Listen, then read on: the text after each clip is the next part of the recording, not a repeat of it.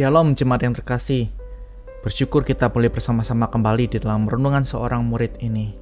Mari kita siapkan hati kita, kita terlebih dahulu untuk berdoa. Mari kita berdoa. Bapa dalam surga, kami bersyukur Tuhan untuk kesempatan, untuk anugerah yang Tuhan beri pada setiap kami. Pada hari ini kami boleh bersama-sama akan merenungkan kebenaran firman Tuhan. Kiranya Tuhan mengurapi setiap kami, Tuhan memberikan hikmat pada setiap kami. Sehingga setiap kami Tuhan uh, tidak hanya mendengar saja tetapi kami boleh melakukan setiap kebenaran firman Tuhan dalam setiap kehidupan kami.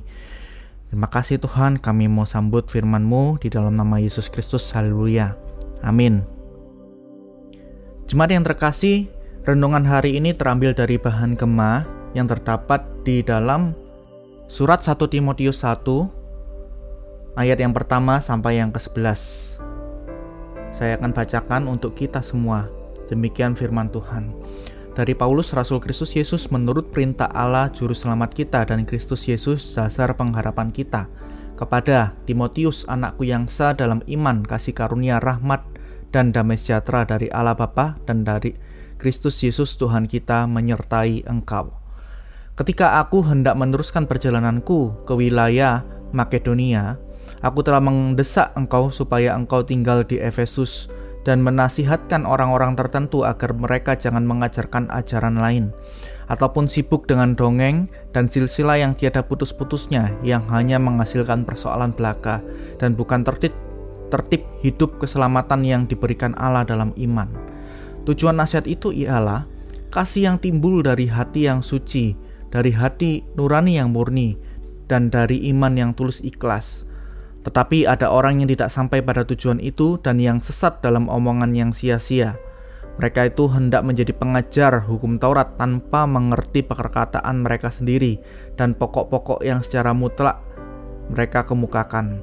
Kita tahu bahwa Hukum Taurat itu baik kalau tepat digunakan, yakni dengan keinsafan bahwa hukum Taurat itu bukanlah bagi orang yang benar, melainkan bagi orang yang durhaka dan orang lalim, bagi orang fasik dan orang berdosa, bagi orang duniawi dan yang tidak beragama, bagi pembunuh bapa dan pembunuh ibu, bagi pembunuh pada umumnya, bagi orang cabul dan pemburit, bagi penculik, bagi pendusta, bagi orang makan sumpah dan seterusnya segala sesuatu yang bertentangan dengan ajaran sehat yang berdasarkan Injil dari Allah yang mulia dan maha bahagia seperti yang telah dipercayakan kepadaku.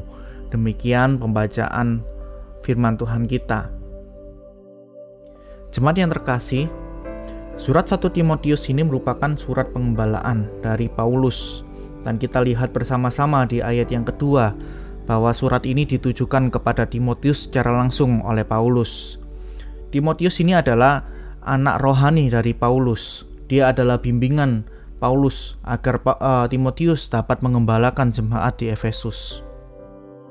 Sekalipun surat ini ditujukan kepada Timotius jemaat yang terkasih, akan tetapi surat ini tidak hanya membahas mengenai diri Timotius saja, melainkan tentang tugas pengembalaan dan pelayanan gerejawi di sini kita bisa melihat bahwa Rasul Paulus sadar bahwa dengan membina dan menumbuhkan Timotius, dia juga membina dan mengembangkan setiap anak-anak rohaninya yang lain, yaitu para anggota jemaat di Efesus. Bahkan di dalam pemeliharaan Allah, surat ini terus masih berbicara kepada umat Tuhan sampai pada hari ini. Jemaat yang terkasih, apa yang terjadi di dalam konteks yang kita baca pada hari ini di dalam perikop pasal 1 ayat 1 sampai 11. Bersama-sama kita melihat bahwa Paulus menginginkan Timotius untuk memberikan nasihat kepada orang-orang tertentu. Siapakah orang-orang tertentu ini? Di dalam ayat 3 dan 4 kita bisa melihat bahwa Paulus inginkan Timotius untuk menasihatkan orang-orang yang mengajarkan ajaran-ajaran lain. Itu yang pertama. Lalu kita bisa melihat juga bahwa Paulus menginginkan Timotius untuk menasihatkan orang-orang yang sibuk dengan dongeng dan silsilah yang tiada putus-putusnya, yang hanya menghasilkan persoalan belaka dan bukan tertib hidup keselamatan yang diberikan Allah dalam iman. Jemaat yang terkasih, inilah konteks yang terjadi di dalam jemaat Efesus dan kemungkinan juga di jemaat-jemaat yang lainnya bahwa ada ajaran-ajaran yang lain. Paulus tidak menginginkan adanya ajaran-ajaran lain yang bertentangan dengan kebenaran Injil ada di dalam jemaat-jemaatnya.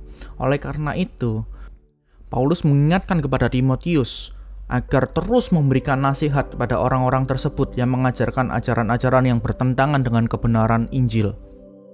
Jemaat yang terkasih dari ayat 3 dan 4 ini mengenai adanya orang yang mengajarkan ajaran lain.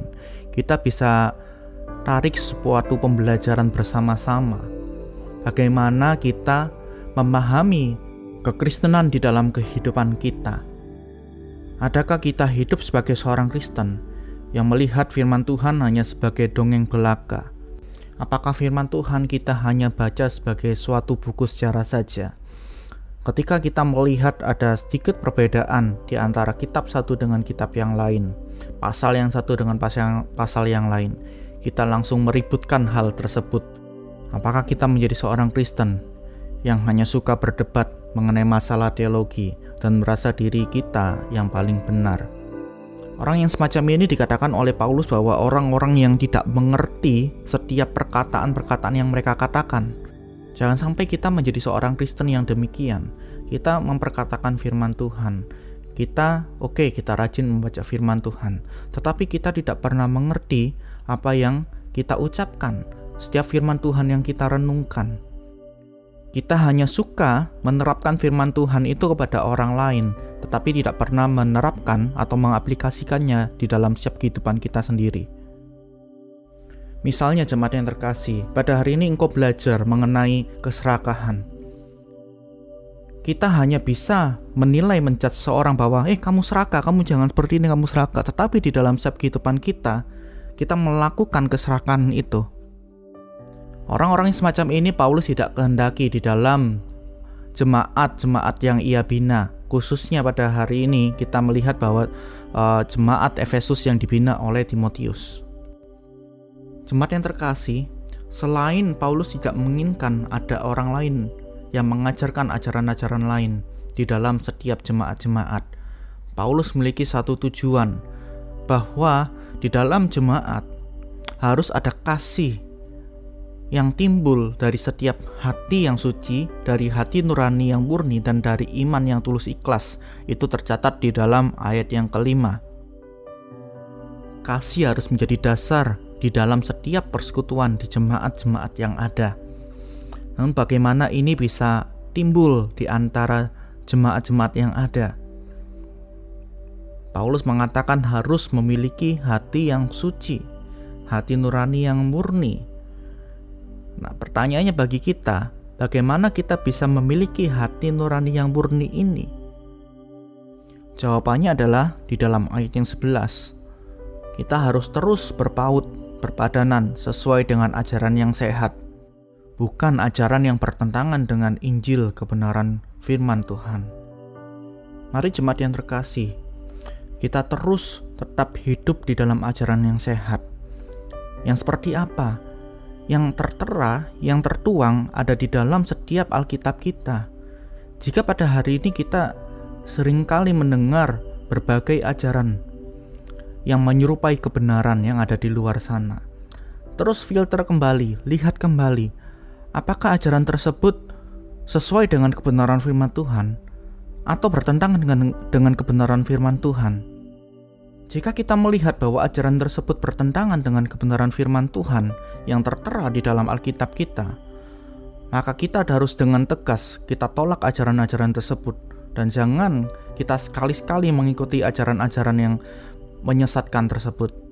Jemaat yang terkasih, jika setiap jemaat dapat hidup di dalam kebenaran firman Tuhan, dan menghidupi, mengaplikasikannya di dalam kehidupan pribadi lepas pribadi, maka di sana akan muncul kasih.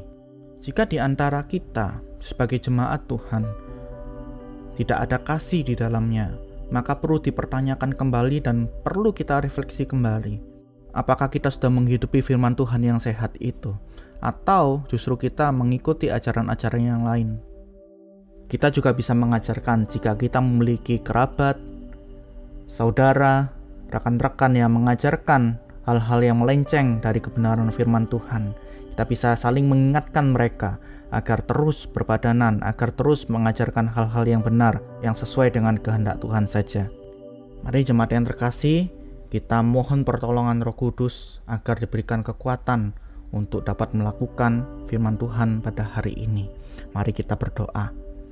Tuhan Yesus, terima kasih atas segala firman yang Tuhan telah berikan pada setiap kami sehingga setiap kami pada hari ini boleh diingatkan kembali mengenai ajaran-ajaran yang tidak sehat, ajaran-ajaran yang bertentangan mengenai benaran firman Tuhan. Teruslah ajar kami Tuhan untuk terus mewaspadai setiap apa yang kami dengar, apa yang kami baca, dan apa yang kami ucapkan dan kami ajarkan. Biarlah setiap yang kami dengar, kami ucapkan dan kami lakukan, itu semua sesuai dengan kebenaran firman Tuhan saja. Dan juga Tuhan ajarilah kami untuk selalu memiliki kasih itu Tuhan. Sehingga di tengah-tengah kami, di tengah-tengah kehidupan komunal ini Tuhan Kami boleh memiliki kasih yang erat satu dengan yang lainnya. Di dalam nama Yesus Kristus kami bersyukur dan berdoa. Haleluya. Amin. Tuhan Yesus berkati kita semua, selamat beraktivitas